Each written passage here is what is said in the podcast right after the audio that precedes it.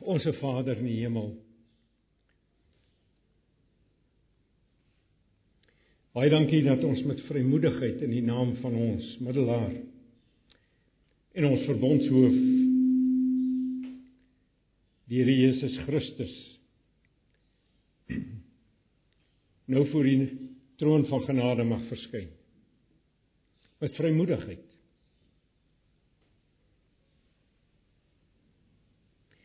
Baie dankie vir die werk van die Heilige Gees.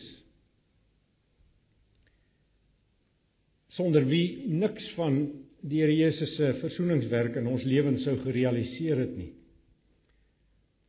Ons dankie vir sy oortuigende werk. Ons dankie vir sy wederbarende werk. Ons dankie vir sy heiligmakende werk. Vir sy toerustende werk, vir sy versekerende werk vir sy bekragtigende werk. En bovenal dank ons U dat hy in ons die Here Jesus Christus verheerlik. En dat hy en die Here Jesus saam U ons Vader wil verheerlik en behaag. Wat 'n wonderlike, wonderlike voorreg het ons nie. Erfenis om deel hieraan te hê. Ons prys U naam. En nou is ons môre saam as U gemeente om U te loof en prys. Maar inderdaad ook om na U woord te luister. Ons bid dus dat U deur die verligtende werk van die Heilige Gees en die toerustende werk van die Heilige Gees, soos ons hier mag saam wees nou in ons midde sal werk sodat die Here Jesus Christus verheerlik sal word en uiteindelik dan U ons Vader en natuurlik sodat u gemeente opgebou kan word in die allerheiligste geloof. Ons vra dit met vrymoedigheid en met verwagting en met danksegging. Amen.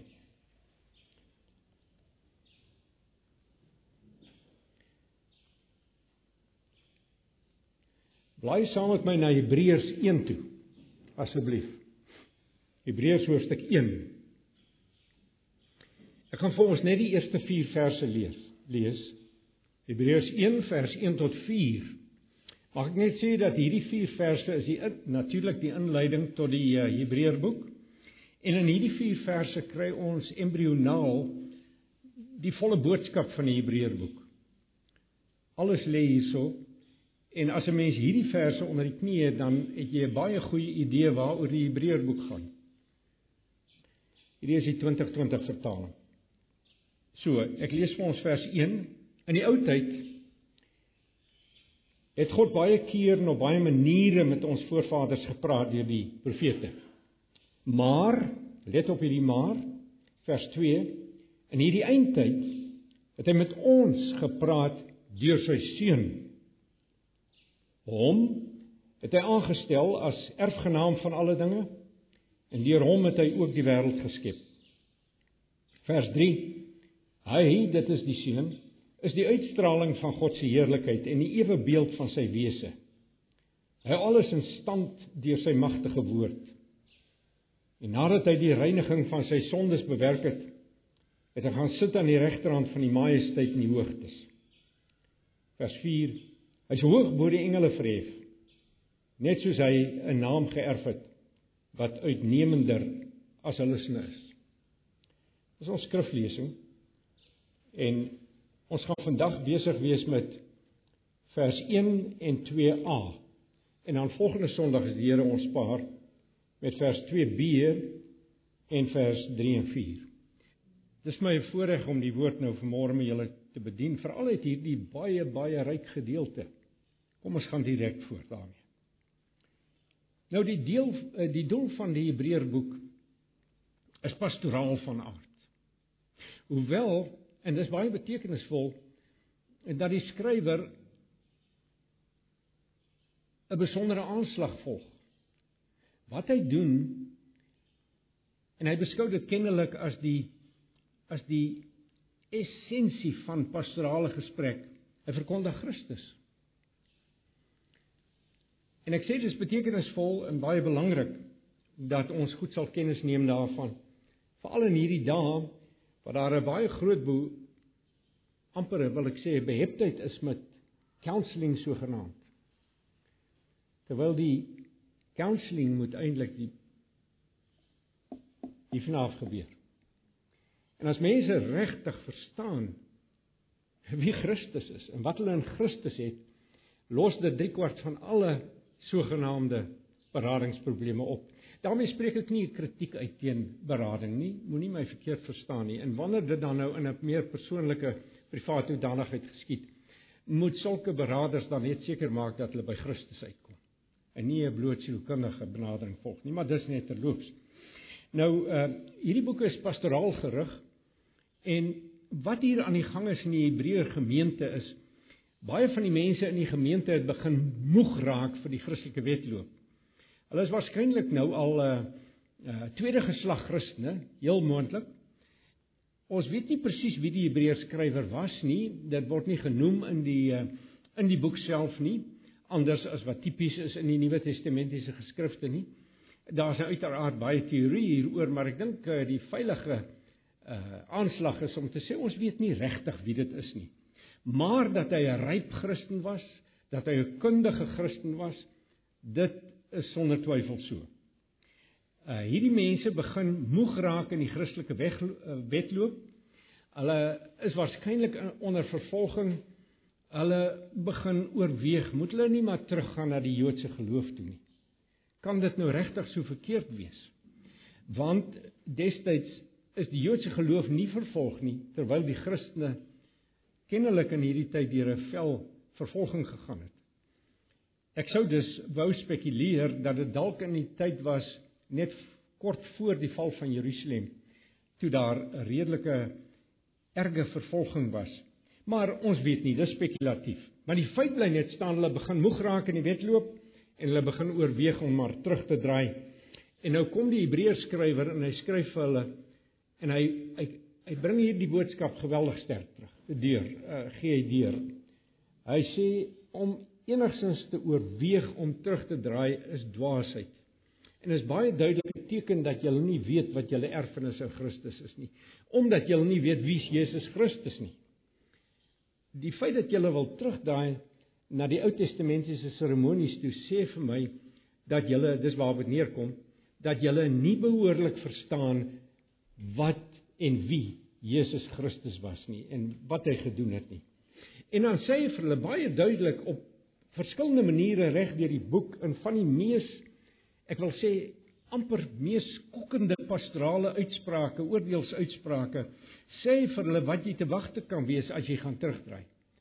Uh, die van julle wat die Hebreërboek ken sal weet dat dit so skokkend is dat 'n mens inderdaad kan sê dis van die mees uh diepsinnige en van die mees ek wil nou wegkom van die woord skokkend, maar dit is uh skrikwekkende waarskuwings in die Nuwe Testament is. Kry jy daar in die Hebreërboek? Ehm so hy sê dis nie net onsinnig om terug te draai nie, dit gaan fataal wees. Gaan fataal wees om om te draai. Want hy sê die Ou Testament is vervul in Christus. En jy wil terugdraai na iets wat nie meer bestaan nie. In elk geval nie meer bestaansreg het nie. Dis vervul, dis vervul sê hy vir hulle en dit is vervul toe die Messias na wie die Ou Testament so lank en soveel eeue uitgesien het, inderdaad gekom het. En en sou jy terugdraai, kom dit neer op 'n verwerping en 'n wegdraai van Jesus Christus af. Julle versaak die middelaar van die genadeverbond. En sonder hom is daar geen verlossing nie. En nou as 'n mens hierdie boek lees, dan sien 'n mens dat die helfte van die boek gewy word aan Jesus Christus se hoëpriesterskap op van die mees diep, diepsinnige wyse in die Nuwe Testament. Trouwens sonder die Hebreërboek sou ons baie baie armer gewees het. Sonder hom word baie duidelik gesê is daar geen verlossing nie. En dit word soos ek gesê het oor en oor herhaal dwars deur hierdie brief of hierdie boek Eintlik is daar sterk saak vooruit te maak dat dit eintlik 'n preek was. Want dit neem die vorm aan van 'n homilie, as ek die woord kan gebruik. Maar sulke waarskuwings dat 'n mens sidder as jy dit lees. Wat hy hulle wil tuisbring, ek sê dit net by wyse van inleiding, is dat God se verlossingsplan en openbaring in die, in die seun is 'n is 'n is 'n afrondende klimaks van iets wat vir eeue verwag is en uiteindelik aangebreek het in volheid aangebreek het. Hy sê daarmee vir hulle dat daarom troon die Nuwe Testament uit bokant ver bokant die Ou Testament. 'n Mens kan ons nie is sy implikasie. Jy kan mos nie terugdraai na die voetheuwels toe as die as die kruin vir jou wag nie, as die piek vir jou wag nie. En dan moedig hy hulle sterk aan deur lering, Bybellering, waarheidslering, Christus gesentreerde lering, moedig hulle sterk aan Christus, Christus. Stel julle fokus op hom. Hy is julle alles. En uh en in hierdie eerste verse, veral in vers 1 en vers 2a, uh vergelyk hy die Here Jesus Christus op 'n wonderlike wyse uh met die met die met die Ou Testamentiese profete, met die Ou Testamentiese bedeling. Hy hy vergelyk dus die die volheid wat ons het in die Nuwe Testament met die voorlopigheid van die Ou Testament. Wat hy daarmee sê is in Christus het alles tot 'n klimaks gekom. Uh hy sê hy het nie aangehou met die profete en hy het ook nie weer profete gestuur nie nou in hierdie laaste dae nie. Nee nee, hy het self gekom. Dis die punt, hy het self gekom. En alles wat ons nodig het oor God om van hom te weet, oor sy wil te weet, van sy plan te weet, het ons in Christus. Dis soos 'n piramide.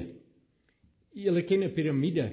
As jy teen die hoeklyne opkyk, of dan nou 3 of 4 is, maak nie saak nie. Gewoonlik is daar 4. As jy teen die hoeklyne opkyk, eindig daai lyn bo teen die spits. En jy kan elkeen van die hoeke toe gaan. Dis dis multidimensioneel en dit eindig by die spits. En hy sê daardie spits het ons in Jesus Christus hoor. Hoor kan dit nie. En dit is die boodskap van die Hebreërboek. En en dit het hierdie boek hou vir ons dus enorme teologiese en praktiese implikasies in. Maar ek het net nou gesê hierdie eerste vers en 'n half is 'n baie besondere uh gedeelte ook in die hele Bybel. Dit bestaan uit 'n uh, twee sinne.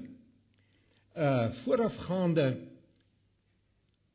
bysin en 'n daaropvolgende hoofsin.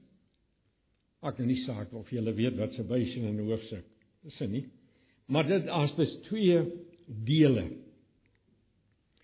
En hierdie twee dele is op presies dieselfde wyse gebou.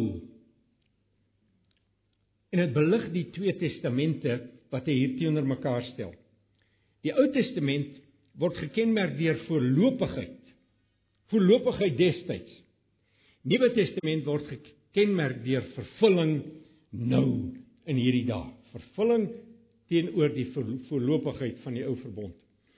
Die bysin as 'n mens kyk hoe die twee sinne ge, gebou word. Die bysin sê vir ons God het gepraat of die ou vertalings uh, vertaal dalk vir ons gevoel 'n bietjie meer waardig of God het gespreek. Ons sou dit kon ver, nie noodwendig vertaal nie, maar verstaan, God het geopenbaar. En dan antwoord hy vier vrae per implikasie daar. God het geopenbaar, God het gespreek. Wanneer? Hy het nie verlede tyd gespreek. Hoe het hy gepraat? Baie keer en op baie maniere. Hy het met ander woorde fragmentaries gepraat. Hy het gepraat en dan was hy weer stil vir 'n lang tyd en dan het hy weer gepraat en dan was hy weer stil en so meer. Tot wie het hy gespreek? Tot ons voorvaders sê hy. En deur wie het hy gespreek? Tot die profete. Dan kom ons kom hy by die hoofsin en dan begin hy op dieselfde manier. Dis die implikasie daar. God het gespreek, God het gepraat. Wanneer? In hierdie laaste dag. Hoe het hy gepraat? Eenmalig, eenmalig. Dus eens en vir altyd. Tot wie het hy gepraat? Tot ons, tot ons. En deur wie het hy gepraat? Ah, deur die Seun. Julle sien, selfe vrae word geantwoord in hierdie twee fragmente van hierdie eerste sin. Wanneer, hoe, tot wie, deur wie. Maar goed, hieruit volg nou 'n klompie fundamentele waarhede wat ek graag met julle wil deel. Ek wil net eers iets sê oor die feit dat God gespreek het. En dit moet ons nooit vergeet nie. Dis die allerhoogste God van hemel en aarde. Die enige God van hemel en aarde. Die ongeskaapte skepper vanuit die ewigheid. Het homself geopenbaar aan die mens. Dit op sigself as 'n mens daaroor pyns is 'n verbuisterende feit, verbuisterende waarheid. Hy's die ewig ongeskape, almagtige, onbeskryflik heerlike skepper van die kosmos. Van alle ewigheid af. Het nooit 'n begin gehad nie. Alles wat bestaan het vanuit hom ontstaan en hierdie God het gepraat met ons.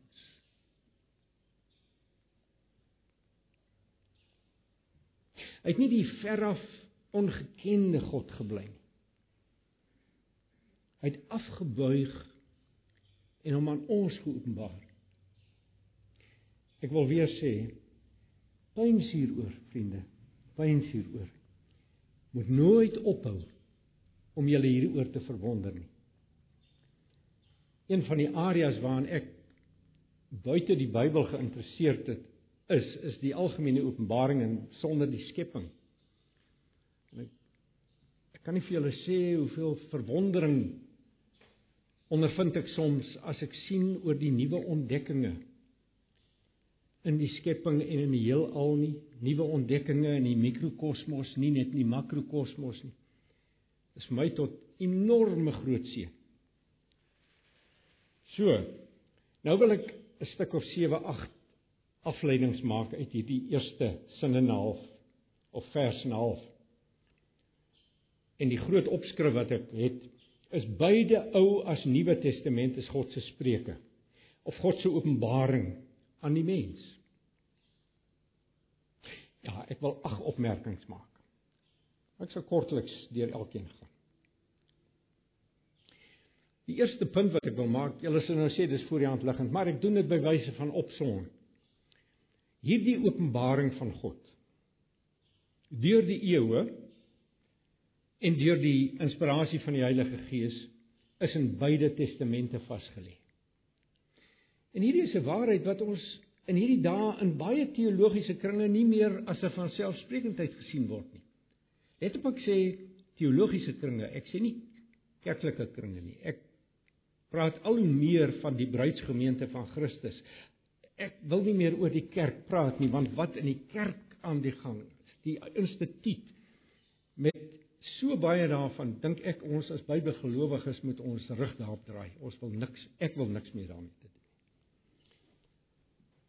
Nou dit impliseer uit om in beide testamente geopenbaar dat daar 'n bepaalde kontinuïteit tussen die Ou en die Nuwe Verbond is of die Ou Testament en die Nuwe Testament. Testamente verbond is eintlik maar dieselfde begrip. Daar is 'n bepaalde deurlopendheid tussen die twee. Daar's 'n bepaalde eenheid tussen die twee. Beide is God se spreuke. En die feit dat dit God is wat gespreek het, verseker ons, dis aksiomaties staan dit vas. Nêrens weerspreek hy homself nie. Maar dis nie al nie. Die Nuwe Testament lê op die verlenging van die Ou Testament. Bietjie tegnies, kan julle dit verstaan? Hy lê op die verlenging van die Ou Testament. So daar is 'n bepaalde kontinuïteit. Dis nie 'n simplistiese kontinuïteit van 'n gelyke aanteken tussen die twee nie die oue is verleng in die Nuwe Testament. sien dit so. Daar's 'n kontinuïteit, maar daar is ook 'n diskontinuïteit. Daar is 'n onderskeid tussen die Ou Testament en die Nuwe Testament. En daarom word daar gepraat van die nuwe verbond. En die Hebreërskrywer wil dan jou juis hierdie onderskeid, hierdie diskontinuïteit wil hy beklemtoon. En wat hy vir sy lesers sê, julle julle verreken dit nie duidelik genoeg in julle gemoedere nie. Nee nee, die Nuwe Testament styg ver uit, ver uit boeke in die Ou Testament. Soveel as wat God die Seun heerliker is as die profete. Ons kry dit in Hebreërs. Ek lees vir julle Hebreërs 8 verse daaruit of frases daaruit. Ek kan nie alles lees nie, maar hier tussen vers 7 en vers 13 werk hy dit uit, maar ek ek haal net so aan. As daar hy skryf vir hulle, as daar in die eerste verbond, dis die Ou Testament, niks kort gekom het nie, sou 'n tweede nie nodig gewees het. Duidelik, nê? En dan sluit hy daai paragraaf so af deur van 'n nuwe verbond te praat, het God die eerste oud verklaar. En wat oud word en uitgedien raak, sal gou verdwyn. Julle wil dus terugdraai na iets wat gou gaan verdwyn, wat aan dit verdwyn is, wat eintlik alreeds vervul is. Dis klaar, dis klaar daarmee. Dis my eerste punt. My tweede punt God se openbaring dus en julle sê dis nou voor die hand liggend, maar ek ek ek ek dissekteer dit so 'n bietjie wat hier geopenbaar is.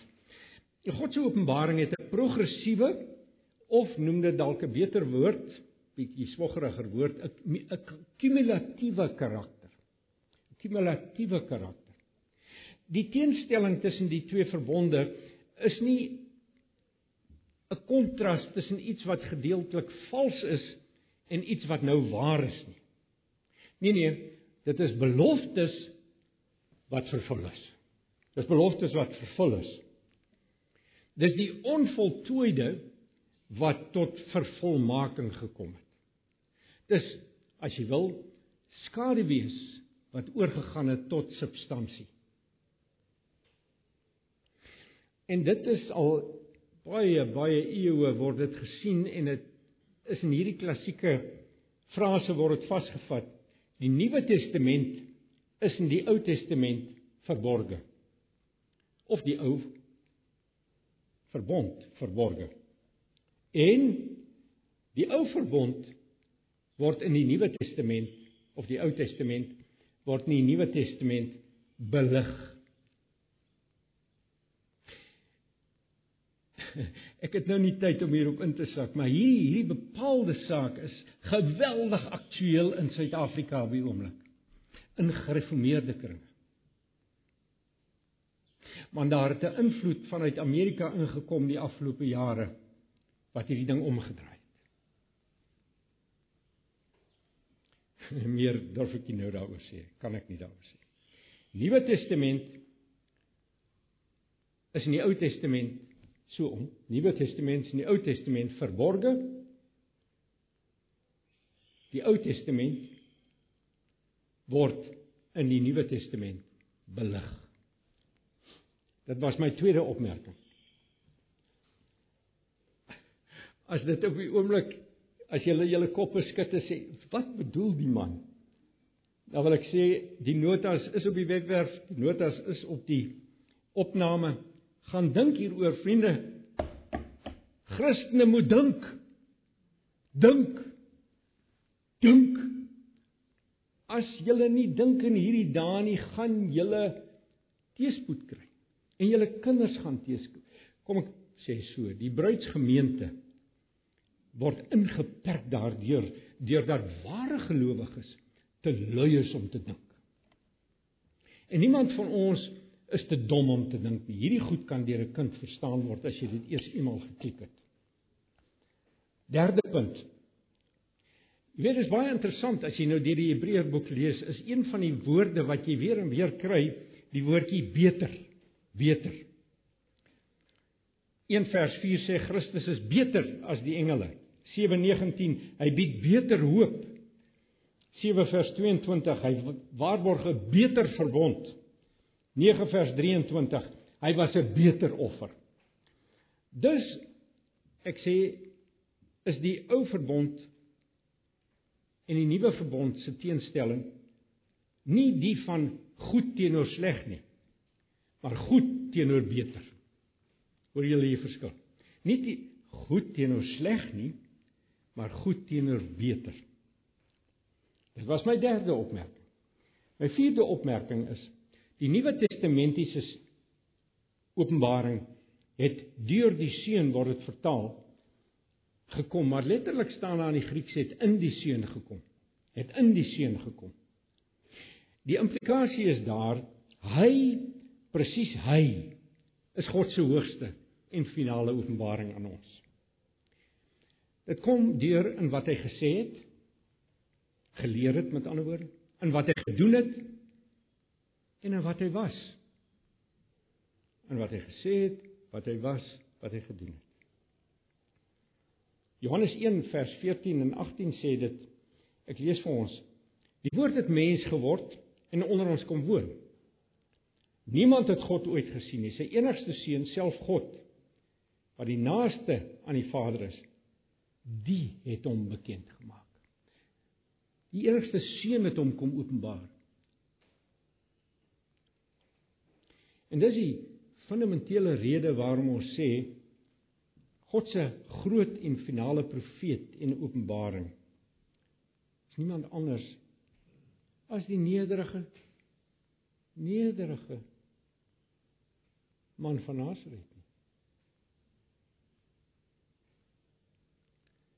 Verstommend is dit nie. En dit lê nie Nasaret, ek bedoel sy persoon en wat hy was, wat hy gedoen het, wat hy geleer het. Dis die hart van die Nuwe Testament. So waarlik ons kan sê Jesus Christus is die hoogtepunt, die piek, die afronding, die kulminering, die vervolmaking van God se openbaring aan die mens. En as jy dit eers eenmal behoorlik verreken het in jou denke en deel gemaak het van jou diepste oortuigings, as jy met ander woorde in hierdie sin werklik Christus gefokus raak in jou belewing ook in jou gebedslewe. Ja, ons soos ek net nou gebid het, ons bid ons Vader, maar dit is deur die werk, deur die Heilige Gees wat hom openbaar, moet ons die Vader sien.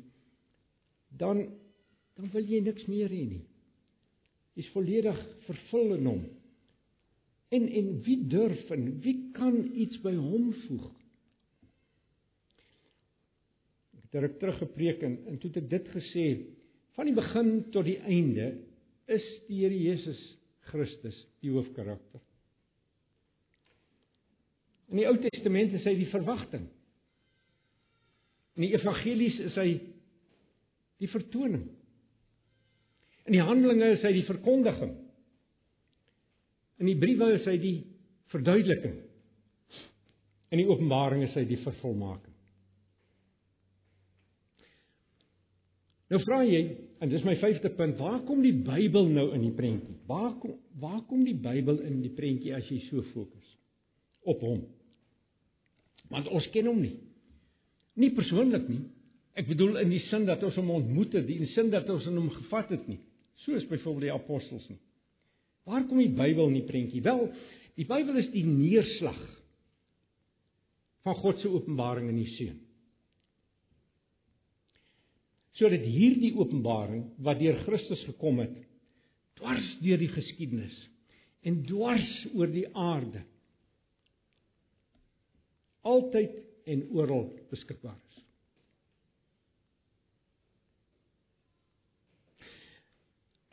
Dis die Bybel is gegee ter wille van mense soos ons. Want ons sien Jesus Christus nêrens anders as in die woord van God nie. In die besonder in die Nuwe Testament nie. Daarom is die belofte aan Thomas daar in Johannes 20 so kosbaar. Glo jy Thomas omdat jy my gesien het?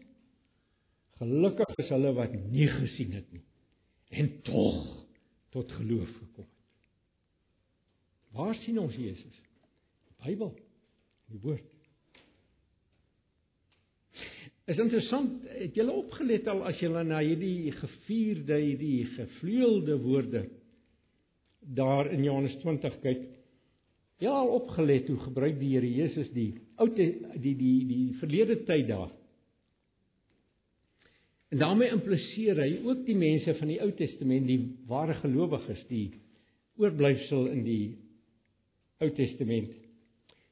Want u sien, as 'n mens die Ou Testament lees, soos ek net nou eintlik al geïmpliseer het, dan sien jy Jesus Christus by uitnemendheid in die seremoniele wet. En jy sien hom in die verkondiging van die profete. Jy ken die profetiese wonderlike getuienisse, die wonderlike profeseë oor die komende Messias. Maar Inderdaad is is is hierdie Christus Openbaring alteenoordig vanuit die eerste hoofstukke van die Bybel, reg aan die begin. Vind jy hom al reeds? Die Ou Testament antisipeer hom direk na die sondeval. Dan word Jesus Christus al reeds verkondig. Ja ja, subtiel. Baie dof, baie baie dof. Maar Abel het iets daarvan gesien. Abel het iets daarvan En daarom is sy offer aanvaar.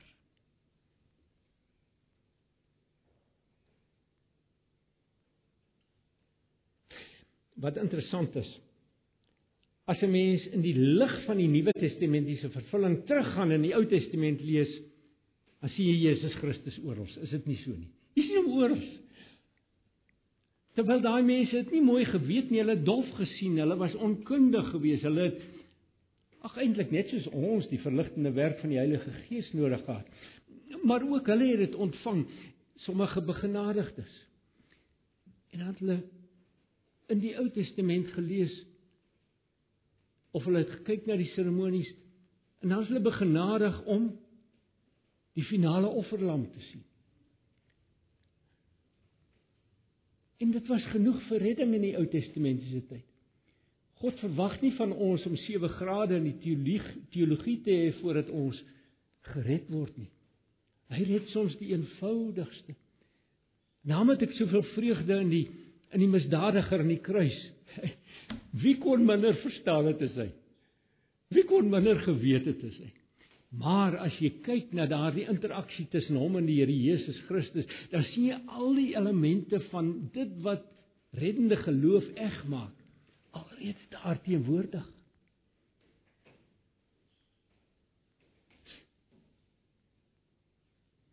Die sesde punt is dit Die Hebreërskrywer sê daar dat in hierdie eindtyd het hy tot ons gespreek deur die seun.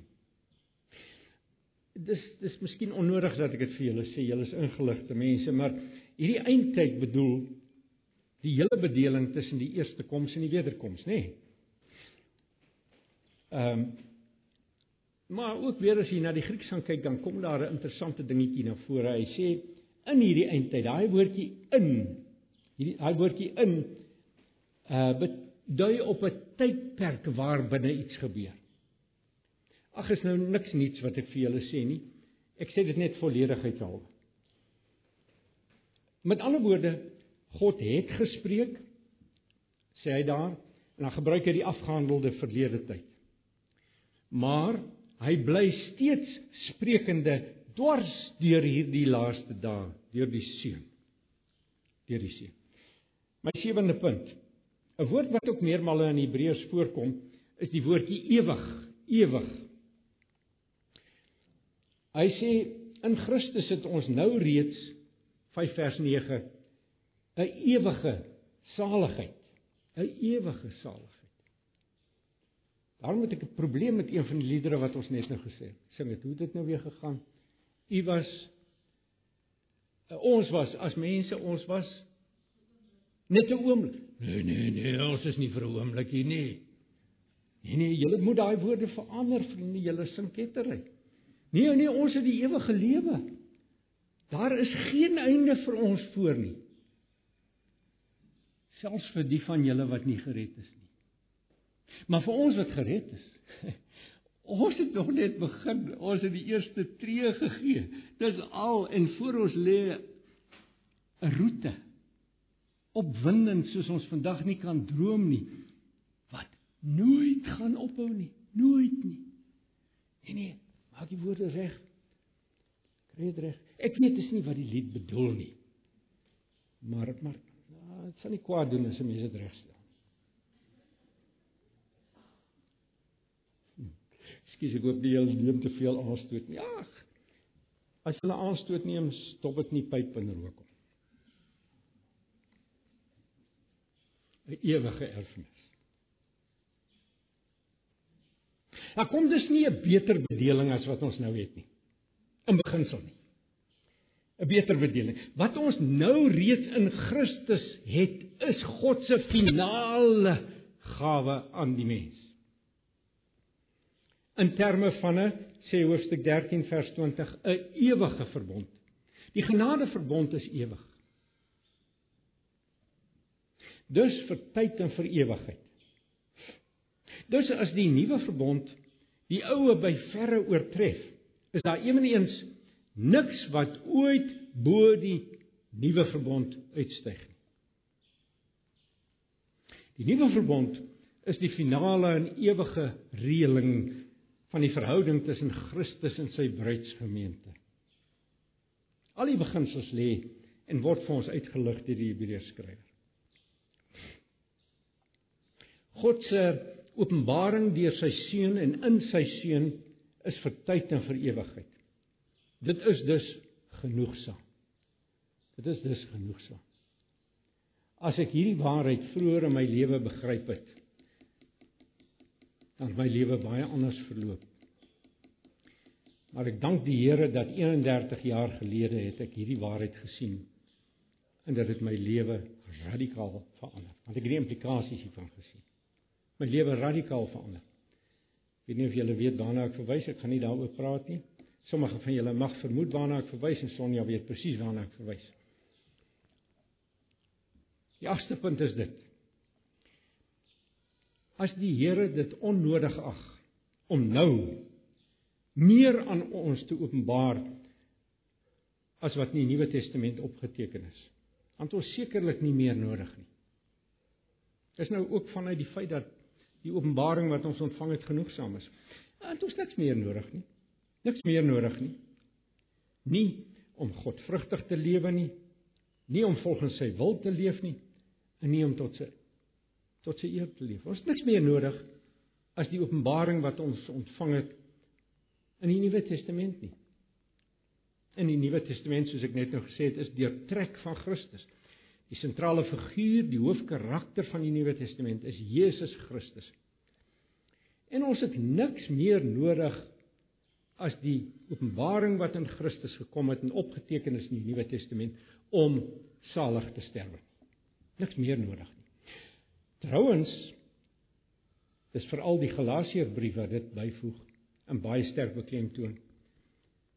Ons durf nie iets by Christus voeg nie. Dis diskwalifiserend. Nie eers elemente van die seremoniele wet nie. Ek wil sê nie eers om 'n lidmaat van 'n institusionele kerk te wees. Dit gaan jou nie red nie, dit sal nie vir my red nie. Nie eers om 'n lidmaat van Antipas Pretoria te wees nie sal jou nie red nie. Lidmaatskap sal jou nie red nie. Feit dat jy nou toewyding gemaak het vir die aan die gemeente vandag jou naam net nou waarskynlik gelees sal word, sal jou nie red as sodanig nie. Net een saak red. Net een saak red. Jy moet verenig wees met Christus in terme van die genadeverbond, maar dis ook 'n groot tema waaroor ons nie nou kan praat nie. Ek is besig om na die einde toe te spoed. As 'n mens eenmal verstaan. En dis nou by wyse van afsluiting. Deur wie God die laaste woord aan die mens gespreek het en steeds spreek, dan besef jy ons is op geen wyse afgeskeep nie omdat ons nie verdere openbaring ontvang nie. Hoe die verdere openbaring sal verseker kom na ons heen gaan en veral na ons opstanding. Maar vir hierdie lewe het ons ons is nie afgeskeep nie. Ons nie afgeskeep nie. Hierdie woord van God wat nou al 2000 jaar oud is. Wat mense die hele Bybel ken, die Ou en die Nuwe Testament, is tot vandag toe genoegsaam. Ek het dit net nou beklemtoon, ek beklemtoon dit net weer, maar wat ek wil sê is ware gelowiges word lewenslank gefassineer deur die Bybel. En tot die mate wat jy Christus daar sien, tot daardie mate word jy meer en meer en meer gefassineer. En die Bybel is daarom 'n leeftyd is nie genoeg om hom te deurgrond nie. Nee. Jy kry nooit klaar met die Bybel nie. Kry nooit klaar nie. En en hierdie die Bybel is die helderste venster waardeur ons trouens die enigste venster waar ons werklik kan sien wie die lewende God is. Ja, ek het net nou gepraat van die algemene openbaring in die natuur wat jy deur teleskope sien en deur mikroskope sien by wyse van spreuke. En en maar wat sien jy daar? Jy sien nie naaste by wat ons sien in Christus nie, nie eers naaste by nie. En daarom kan die Here Jesus in sy hoëpriesterlik gebed in vers 3 van Johannes 17 bid om U te ken. Om U te ken is die ware lewe. En Jesus Christus wat U gestuur het.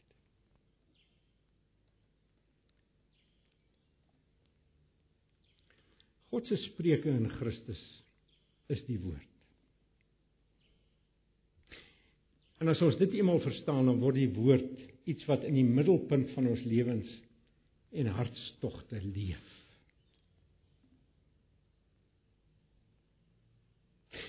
En die hart van die hoop lê daarin om hom beter en beter en beter en beter en beter te ken. Tot in ewigheid gaan dit nie ophou nie. Vir die van ons wat in hom sterf. Dit gaan nie ophou nie. Gaan nie ophou nie. En nooit sal ons ooit meer wil sien as meer en meer van die Here Jesus nie. En in hom sien ons die openbaring van die Vader in ons.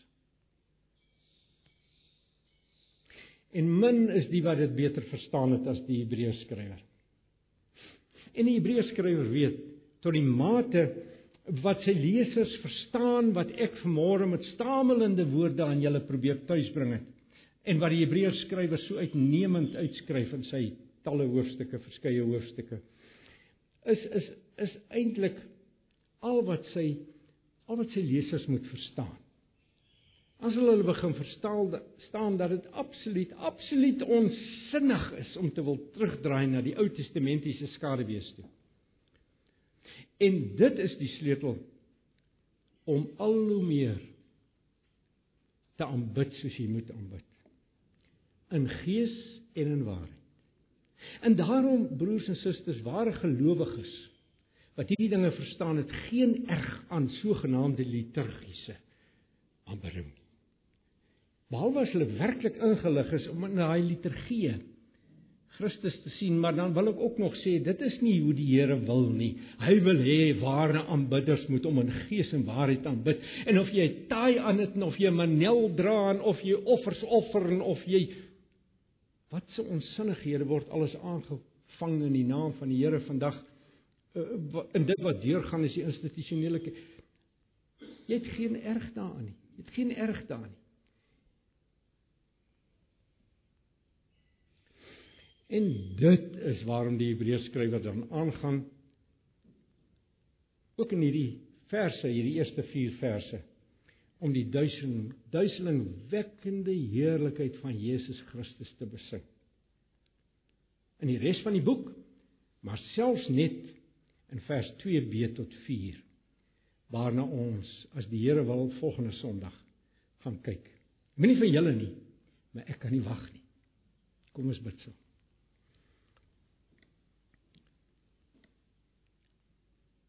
Onse Vader. Die van ons wat die onuitspreeklike voorreg geniet om met Christus verenig te wees. en om deelgenote te wees van die bediening van die Heilige Gees. Ons skiet te kort in woorde.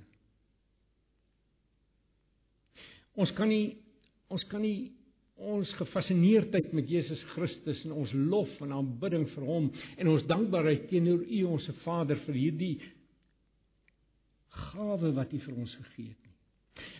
Vir die feit dat U Uself aan ons geopenbaar het nie. Op 'n baie baie maniere. Selfs net in die algemene openbaring, maar maar soos wat U ons by uitnemendheid begenadig het met die openbaring in Christus. Ai, ons wens so ons het meer woorde gehad om dit uit te druk. Want dit borrel in ons en dit kook in ons en ons ons nie woorde nie. Maar ons dankie dat U ons harte lees. Prys U heilige naam daarvoor. En as ons nou ons Vader of aanstonds die nagmaal gebruik. Mag hierdie woorde en hierdie insig wat ons het in Christus en hierdie liefde wat ons het vir ons hemelse bruidegom mag dit steeds in ons harte leef en mag ons dan die nagmaal so gebruik as ons deel het aan sy liggaam en aan sy bloed mag U naam verheerlik word in die res van hierdie byeenkoms en ook in ons sosiale saamwees net nou. En in die res van hierdie dag en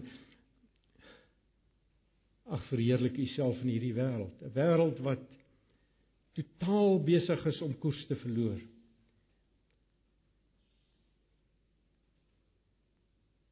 Dankie dat U U uitverkorenes het. Dankie dat U U bruidsgemeente ken.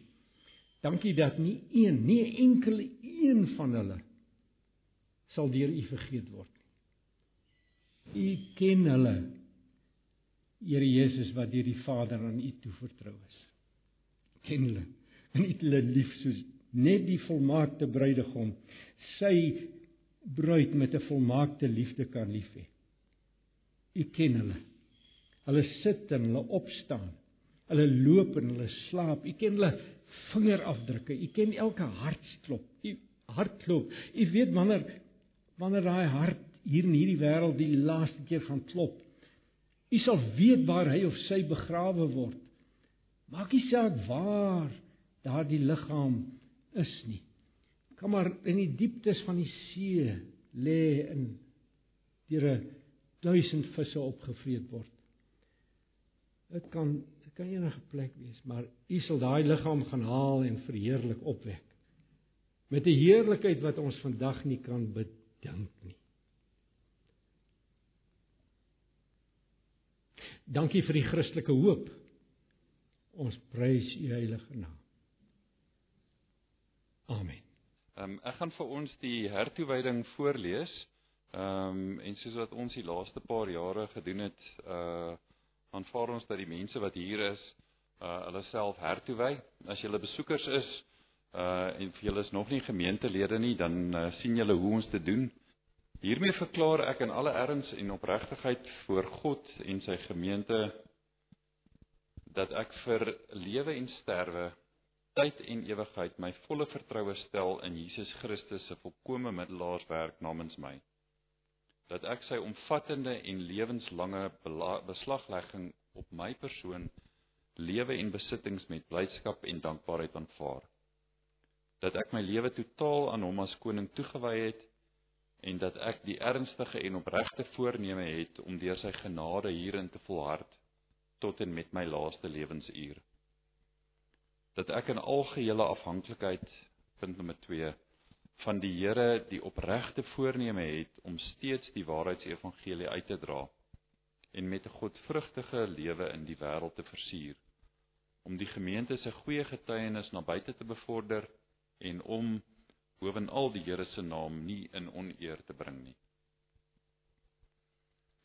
Dat ek my volgens die riglyne van die skrif aan my broers en susters in die gemeente toewy wat onder meer die volgende inhou dat ek saam met hulle die Here in gees en waarheid wil dien en dat ek in biddende afhanklikheid hulle maar na my beste vermoë wil lief hê. Dat ek in opregtigheid, opregtheid, openheid, betroubaarheid, lojaliteit en hartseenheid met hulle wil saamleef en die Here vertrou om my steeds daartoe in staat te stel. Dat ek hulle, dis nou die mense hier om jou versoek om my volgens Bybelse riglyne te vermaan en selfs onder die tug te plaas wanneer nodig. En dit sou selfs insny wat afsnyding van die gemeente as finale stap sou kon insluit. Indien ek volhardend en onberoulik volgens die skrif sou sondig dat ek my saam met hulle mede-verantwoordelikheid vir die finansiële behoeftes van die gemeente aanvaar soos die Here my in staat stel en ek persoonlik in verantwoordelikheid aan hom sal besluit. Dat ek die basiese byeenkomste van die gemeente gedissiplineerd na my beste vermoë sal bywoon en my broers en susters op hoogte sal hou wanneer dit by geleentheid of oor 'n langer tydperk vir my onmoontlik is. Punt nommer 4 dat ek die gemeente se ouderlinge versoek om pastorale verantwoordelikheid vir my te neem. Dat ek ook van my kant hulle bediening sal opsoek wanneer nodig en dat ek my binne redelike en Bybelse perke onderwerp aan hulle leiding en inspraak in soverre dit my lewenswandel, my verhouding met die Here en medegelowiges as ook my getuienis teenoor die wêreld raak. 5 dat ek aanvaar dat die 1689 Baptiste belydenis die formele belydenisskrif van hierdie gemeente is en dat ek dit onderskryf in soverre dit met die skrif ooreenstem. Dat ek so gereeld as moontlik die nagmaal saam met my broers en susters in hierdie gemeente sal vier as 'n herbevestiging van my eenheid met Christus, sy gemeente en sy evangelie waarheid en dat ek die vaste en opregte voorneme het om die implikasies daarvan steeds uit te leef. En punt 7 dat ek dit so gou as moontlik met die ouderlinge sal opneem indien ek nie meer die integriteit van hierdie toewyding kan onderskryf en uitleef nie. Dit beteken nie ons wag tot volgende jaar nie as jy gedurende die jaar of gedurende tydperk sou voel dan dit met die ouderlinge uh ons sal opneem. Ek wil julle vra dat ons ons oë sluit en dat ons hierdie hertoewyding ook in gebed aan die Here opdra. Here, U het gehoor wat ons vir mekaar gelees het en het ook gehoor wat Nico uh, nou-nou vir ons gesê het en dit is dat selfs 'n hertoewyding 'n 'n kommitment aan hierdie gemeente ons nie kan red nie. Maar Here, U het die instelling van die gemeente vir ons gegee, 'n plek waar daar 'n struktuur is wat U vir ons gegee het waarbinne ons kan leef. En ek vra dat U hierdie hertoewyding wat die mense gemaak het wat hier sit dat hierdie hertoewyding 'n toewyding aan U is. 'n Toewyding aan ons broers en susters. Maar Here, dat die fokus uiteindelik deur hierdie gemeente na U sal wees, soos wat ons gehoor het. Ons bid dat hierdie ons weer hernuut sal oproep tot aksie en dat dit nie woorde alleen sal wees nie die aksie om u gemeente by te woon op 'n gereelde basis, die aksie om met my broers en susters te praat en my ondergeskik in hulle stel, die aksie dat ek met my ouderling sal gesels as daar dinge is wat nodig is om gesels te word. Dankie dat ons ook saam as gemeente hierdie hertoewyding onder u leiding en tot u eer kan doen. In Jesus se naam bid ons dit. Amen. Uh Nico gaan nou vir ons die nagmaal uh, bedien. Kan ek die diakens vra om vir ons die tafel voor te berei? Dankie.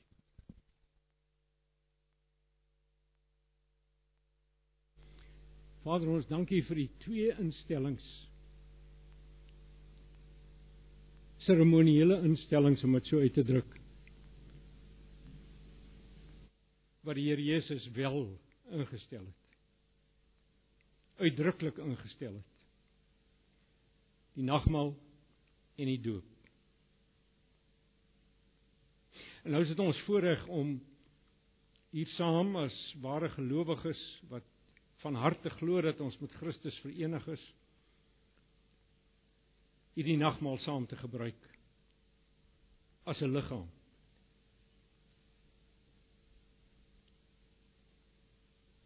Selfs al is nie almal van ons formeel lidmate van hierdie gemeente nie. Maar dankie dat ons deel is van die liggaam van Christus dan. En as sodanig lidmate is van die ware gemeente. So Vader, ons vra in die naam van ons middelaar die lam van God wat dan ook uiteindelik die koning sal wees maar wat vir ons inderdaad die lam van God is dat u die gebruik van hierdie instelling sal seën in ons harte. Mag dit vir ons betekenis inhou. Mag dit blyk werklik 'n genademiddel te wees. Mag dit u behaag en verheerlik. Amen. Nou ek gaan vir ons ek gaan nie veel meer sê nie. Ek gaan vir ons net 'n gedeelte van die skrif lees. Ek wil hê julle moet blaai na Matteus 26 toe. Matteus 26 waar ons lees waar die Here Jesus hierdie nagmaal ingestel het.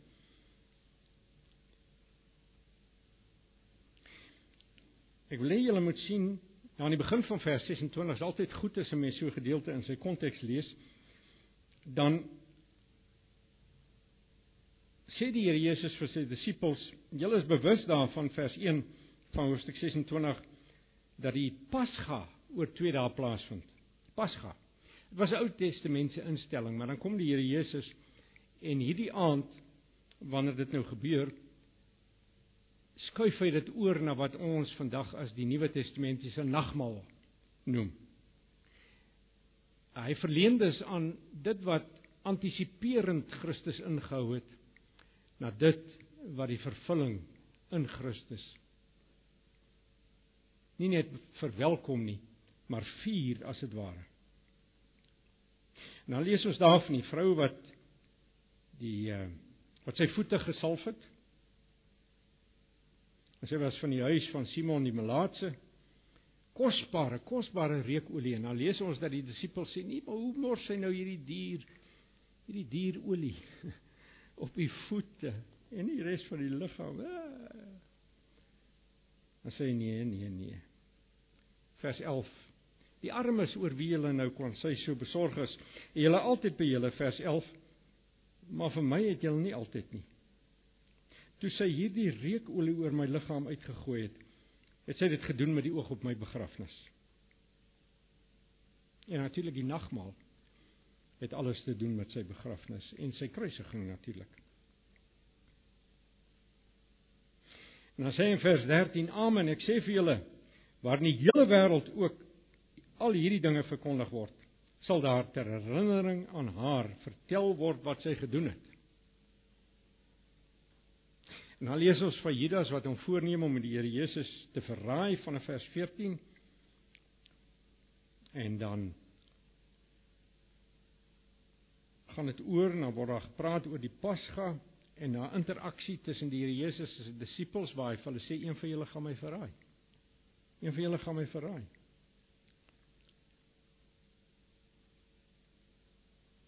En dan lees ons in vers 25 hierdie verskriklike stuk tragedie amper skokkend, amper ondenkbaar. Judas sy verraaier sê toe daarop: "Is seker nie ek nie, Rabbi?" En hy antwoord hom: "Jy het dit gesê." Julle al gepeins oor hierdie woorde, jy het dit gesê. Het jy al gewonder oor hoe dit op hierdie oggend met Judas Iskariot gaan. Ons het nie woorde. En dan vers 26 lees ek nou vir ons vers vir vers. Terwyl hulle eet, het Jesus brood geneem. Nadat hy die seëngebed uitgespreek het, breek hy dit. Gee dit vir die disippels en sê: "Neem, eet. Dit is my liggaam." Toe het hy die beker geneem, gedank dit vir hulle gegee en gesê drink almal daaruit.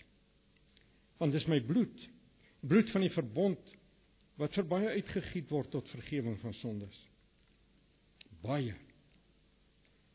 Vers 29 ek sê vir julle van nou af sal ek beslis nie weer hierdie vrug van die druiwestok stok drink nie tot daardie dag wanneer ek dit nuut saam met julle sal drink in die koninkryk van my Vader.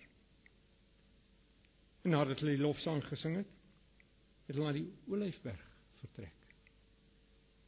Onskynlik heel eenvoudig geweest, heel eenvoudig. Maar so inhoudryk dat 'n leeftyd nie gelank lank genoeg is om dit te pyl nie.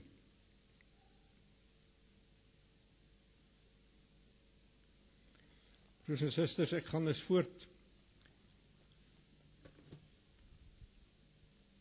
om julle nou uit te nooi. Die van julle wat dit met vrymoedigheid en in integriteit voor die aangesig van die Here kan doen. Soos wat Jan ook gebid het. Moenie die nagmaal gebruik as jy nie weet dat jy met Christus verenig is nie. Moenie die nagmaal gebruik as jy weet daar is verdoemende en diskwalifiserende sonde in jou lewe nie. Moenie dit doen nie. Jy sal 'n oordeel oor jouself eet en drink.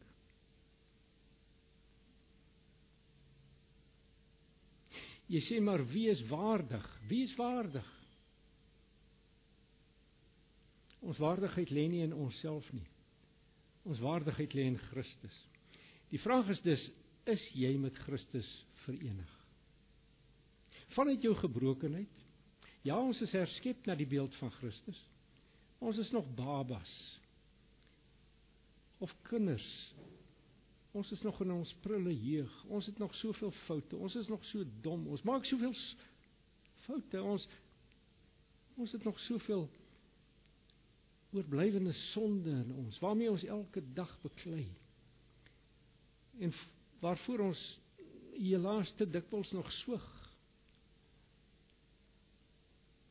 Dis 'n Dis soos 'n gewas hier in ons binneste wat ons vergiftig, die oorblywende sonde. Waarmee ek nie wil sê ons is elendige sondaars nie. Nee nee, ons is herskep, die van ons wat inderdaad herskep is. Nee nee, ons is in Christus. Ons is nuwe skepsels. Ons het deel geword van die nuwe skepping, maar ons is soos babietjies, kinders. Uh, sukkelende kinders nog in die kinderhuis. Ag in die ouerhuis. Ons ons ons moet nog volwassenheid bereik. En dit gaan eers kom wanneer ons selfs die selfs die tussentoestand is nog voorlopig. Sal veel veel meer volwasse wees as wat ons nou ervaar as ek nog by die beeld kan bly volwasse maar die finale huwelik met ons as ek in respek kan sê met ons huidige verloofde hm, is nog toekomstig Maar as jy weet dis waar in jou pad is, as jy weet die Here het met jou planne, hy het reddend op jou beslag gelê en herskepping. Ongeag hoeveel hoeveel mislukkings daar nog was, hoeveel keer jy nog gestruikel het en gestamel het en gestrompel het, selfs in die week wat verby is, maar maar as jy jou toevlug tot Jesus Christus geneem het,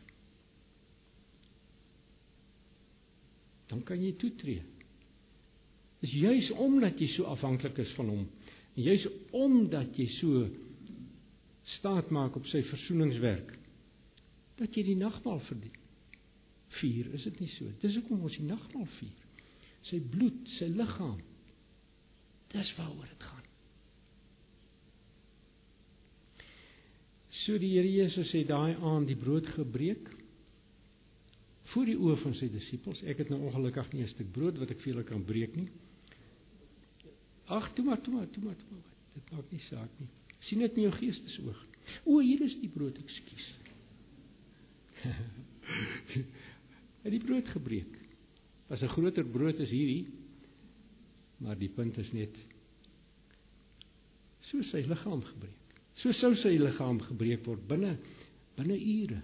Binne ure sou sy liggaam so gebreek word. As 'n volkomme, absolute, ewige versoeningswerk vir diegene wat die Vader hom toe vertrou het en wat deel is van sy bruidsgemeente. En hulle het toe ook die beker gebruik. Die bloed van die nuwe verbond. Sien die nuwe verbond is is gevestig, is gesluit. Het 'n realiteit geword finaal toe sy bloed gestort is. Opstanding onlosmaaklik deel daarvan, maar dit is 'n viering van die nuwe verbond wat reeds 3 dae van tevore verseël is. Kom ons sluit af met 'n kort gebed. ons Vader ons gebruik hierdie instelling van U die brood en die beker met soveel stompsinnigheid. Ons is jammer dat ons so min verstaan begryp beleef van die onskatbare skat wat ons van U ontvang het. In die persoon van Jesus Christus en sy werk as profeet en priester en koning. En ons pleit by U dat U ons dieper en dieper sal inlei in U openbaring wat U in die seun gegee het en in die belewing ook van die realiteite wat ons sopas bely het. Maar ons dankie dat al het dit dan nou in gebrokenheid en stompsinnigheid gebeur soos dit maar sekerlik deur die eeue gebeur het in tallose begenadigdes se lewens. Dankie dat dit ons tog opbou. Tog tot seën is vir ons. En u ten spyte van die gebrokenheid tog verheerlik en behaag. Ons prys u heilige naam. Mag nou die genade van ons Here Jesus Christus en die liefde van God ons se Vader en die gemeenskap van die Heilige Gees met ons wees ook nou hierna en as ons dan mettertyd huis toe gaan. Res van hierdie dag, hierdie week wat voorlê, mag ons U toenemend lief hê. Mag ons groei in gelykvormigheid aan die beeld van Christus. Mag dit die erns absolute erns van ons lewens wees. Mag ons U lief hê ons hele hart, met ons hele siel, met ons hele verstand en al ons krag. Mag ons ons naaste lief hê soos onsself. Mag ons u op hierdie wyse behaag. Mag ons u op hierdie wyse verheerlik soos wat u in u Vader genade en geduld dit op prys stel en soos wat dit u verheerlik Amen